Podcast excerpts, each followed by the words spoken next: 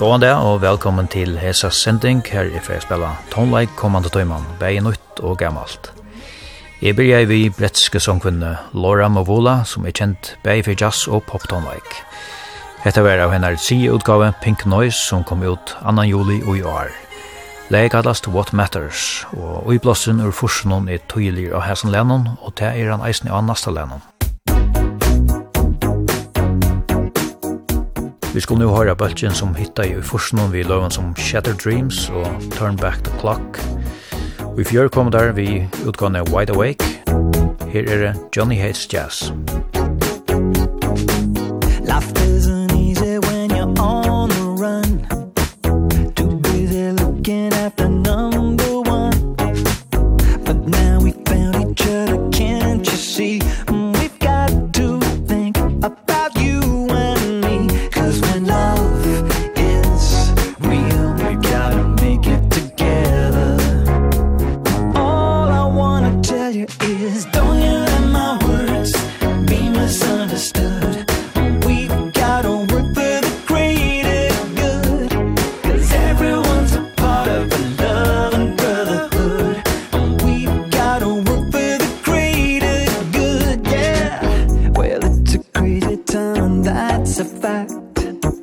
The world is full of egomaniacs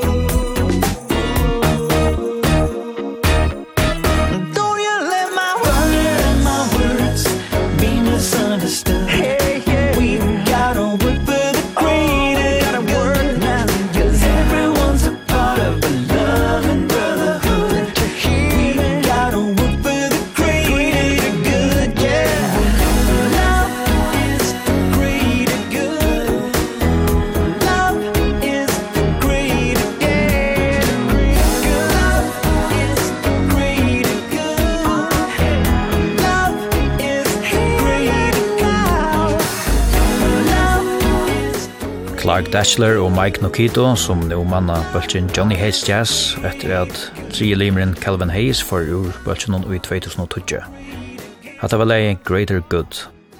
Jeg fer til en annan bøk som var stor i forskjellen som en giver ut, til en bøkker som her en serie flamboyantan forsangere vi en etkjenda rødt som etter hunden i nokså rosta. This kingdom's got its own rules Not one word out of place You talk behind your back But never to your face Tough love is a killer I see it taking you down Are you feeling brave? Wanna be erased? Are you feeling brave? You wanna talk Do you want the truth? Bad blood tripping on your dancing shoes. You own the world, nothing left to prove. Bad blood tripping on your dancing shoes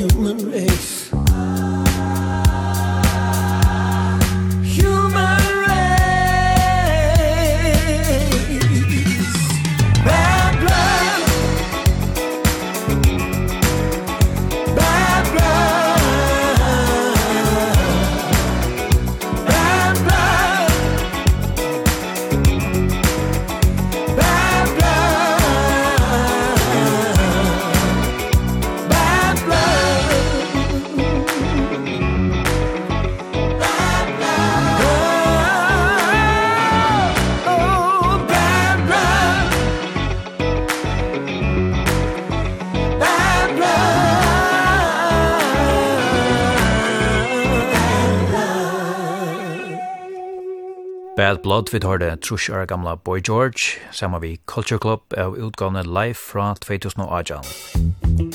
Og så fer vi til et le som først kom ut i 1924 vi Bill Withers. Det fikk et 30. plass av Billboard Hot 100 og et 20. plass av British Single Chart. Her er det endur innspalt av Josie James og Leila Hathaway. Lovely Day. When I wake up in the morning The sunlight hurts my eyes. Something without wanting love Bears heavy on my mind. Then I look at you And the world's alright with me. Just one look at you And I know it's gonna be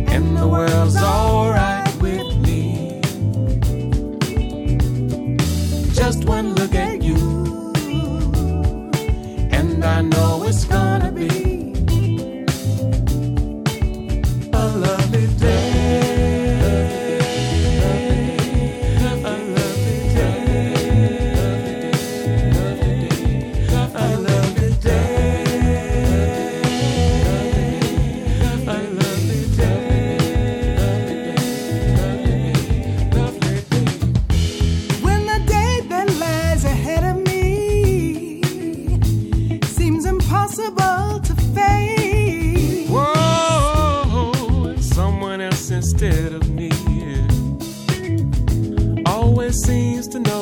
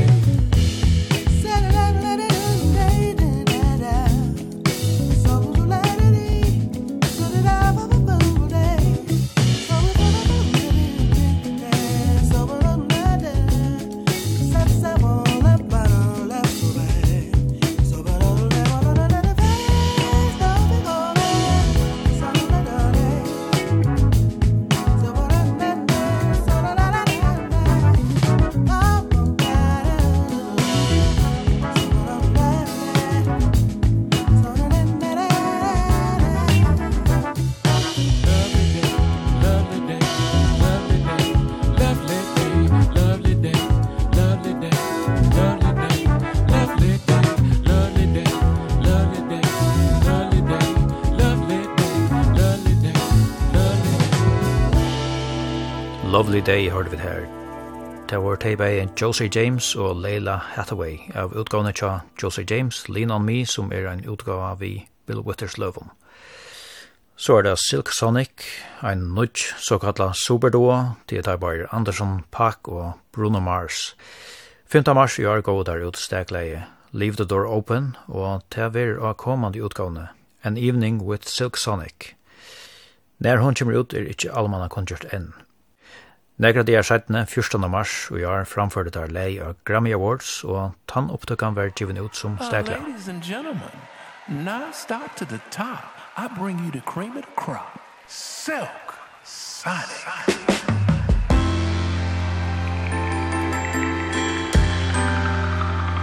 Ooh.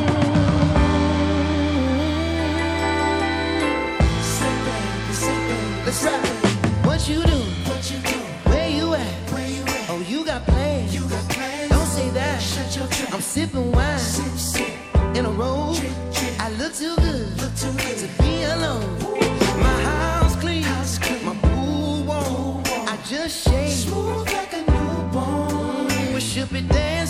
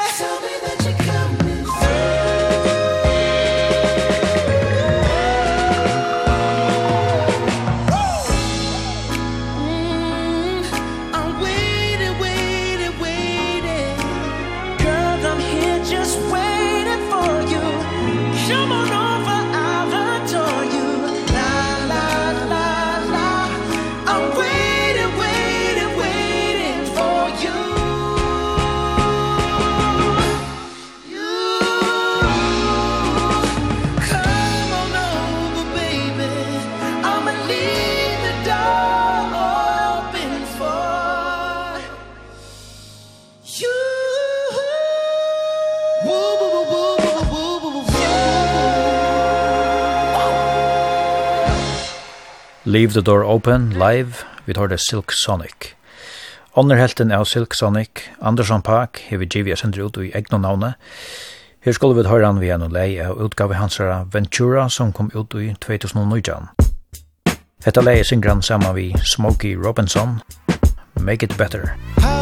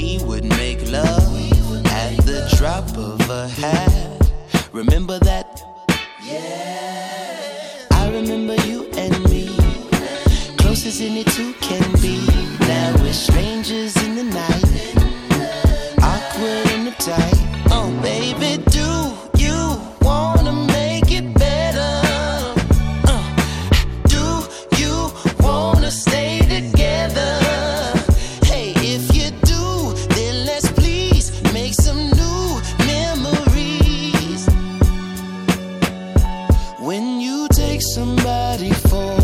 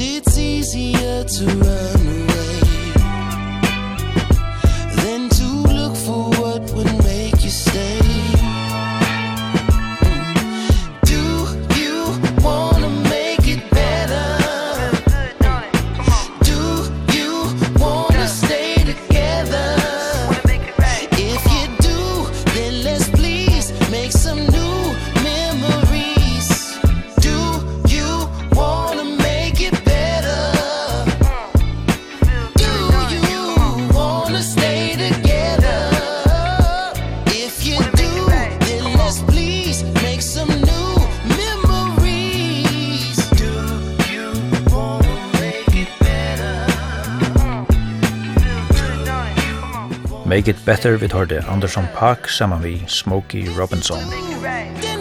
Så skulle vi høre norska tonar. Ole Børud, som etter Atlan skulle hava konsert i fyrrjun i fjør, minnes med ratt. Men som vi så nekvann øren ved at jeg er lust vegna korona.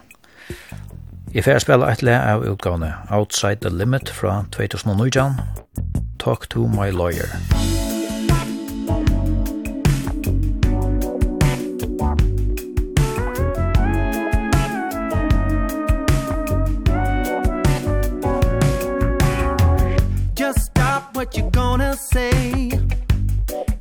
same old story You claim that I've got to pay.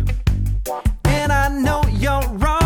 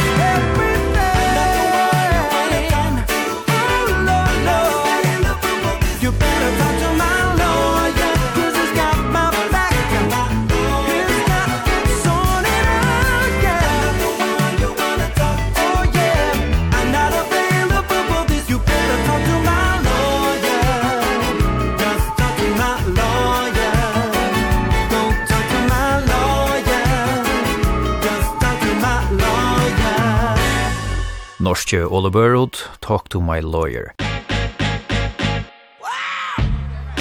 Til nasta er dangst, vi skulle høre Boran G av utgane Pass på pyrene fra 2016 og leie Lucy. Når første gang jeg mødte Lucy, hang hun ud med de farlige dreng. Hun sagde, hvad glår du på? Kom dog her hen og hils på mig.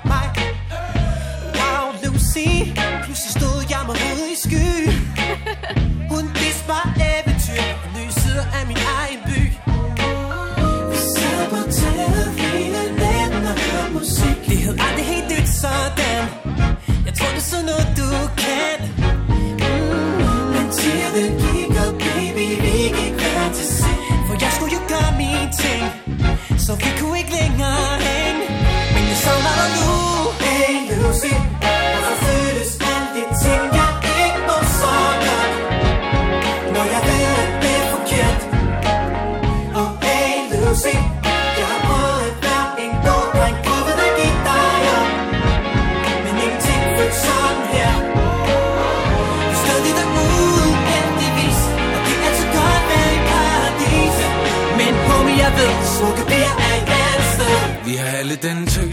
alle den tøs Som kan gøre hver en mand nervøs For hver eneste gang hun kommer frem Kan hun få os til at sætte det hele i brand. Ja, yeah. yeah, på gælstreger Som kopi af det deres tøj Når jeg der brænder, går hun altid op i røg. Lad os bare kalde Lucy For hun frister ligesom Lucy For Anden gang jeg stødte på Lucy Hang hun ud inde i indre by. Flere penge, mere tempo på Samme pige, men stilen var ny. Og var hun fantasi Var lidt for god for mit selvtillid?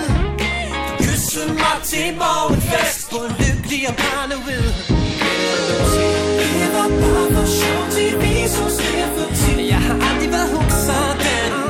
Jeg tror det er sådan noget du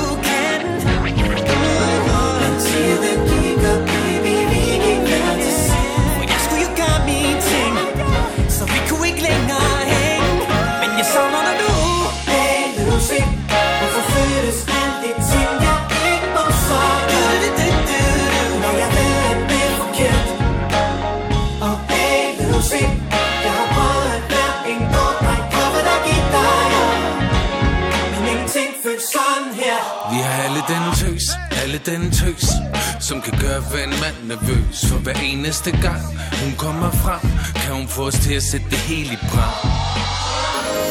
De siger huset altid vinder Måske det er derfor juksen altid slinkrer Og vi er stadig ikke faldet i søvn. Jeg mener Hey Lucy Hvorfor føles alt det tænker?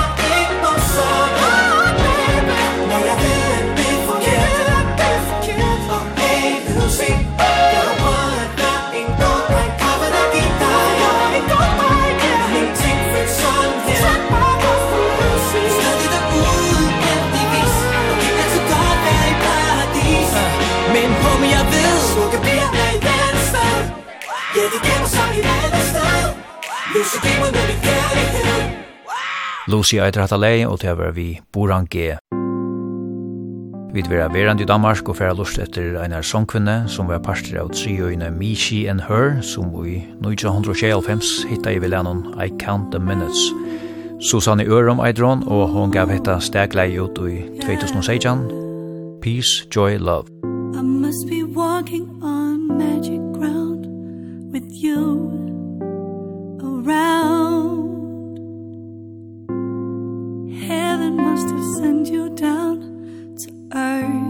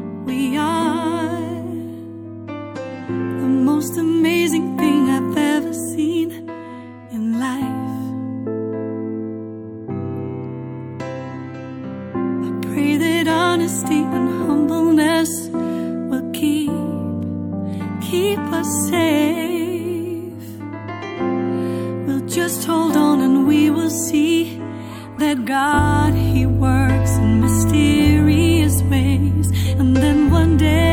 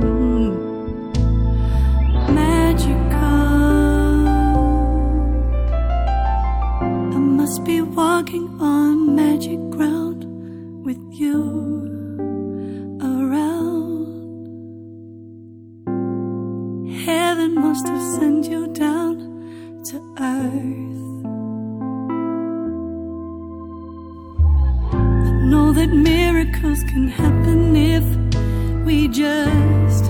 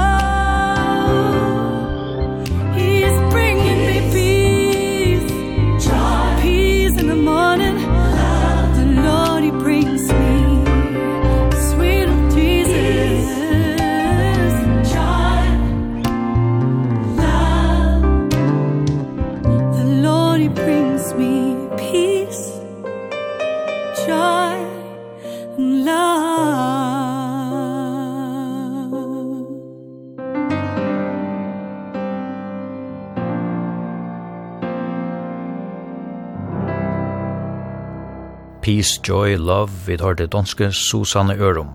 Så er det Corey Wong, han er amerikanske gitarleggare som hever nekvagera og hever spalt vi nekvon imson artiston. Han er mest kjent som gitarleggare i funk og Wolfpack. Han gjør i fjør en utgave saman vi Metropole Orkest, som kan sies det være hollandska Sverige på BBC Radio Orchestra. Utgaven kallast Live in Amsterdam, og av henne ferie spela et lea, etter en tulking av en kjendan lei tja Bruce Hornsby.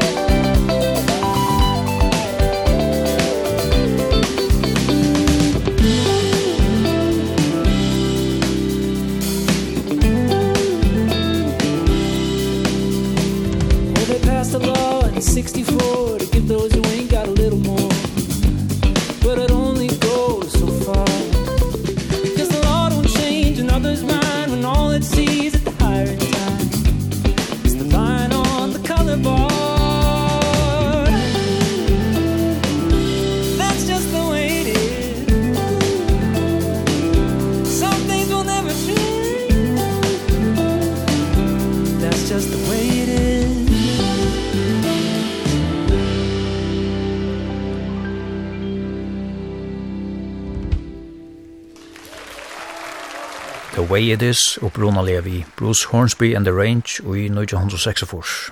Ein ta mest seljande sångkvinnan i heimnon er Tony Braxton. Hon er selt omlai 70 millioner plater og så hever hon vunni en rikvi av Viruslund eisne. Her er O'Shea Grammy. Og i fjør kom hon vi utgående Spell My Name og av henne hører vi til leie Fallen. Grammy You wouldn't just let me walk out the door for no